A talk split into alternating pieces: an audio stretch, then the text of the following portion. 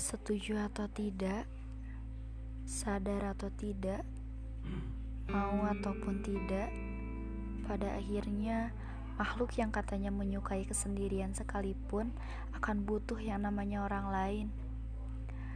Kalau sedang di fase nggak tahu lagi harus ngapain, rasanya memang butuh banget yang namanya super system. Semangatnya memang sedang kering dan nggak tahu bakal bersemi atau mati.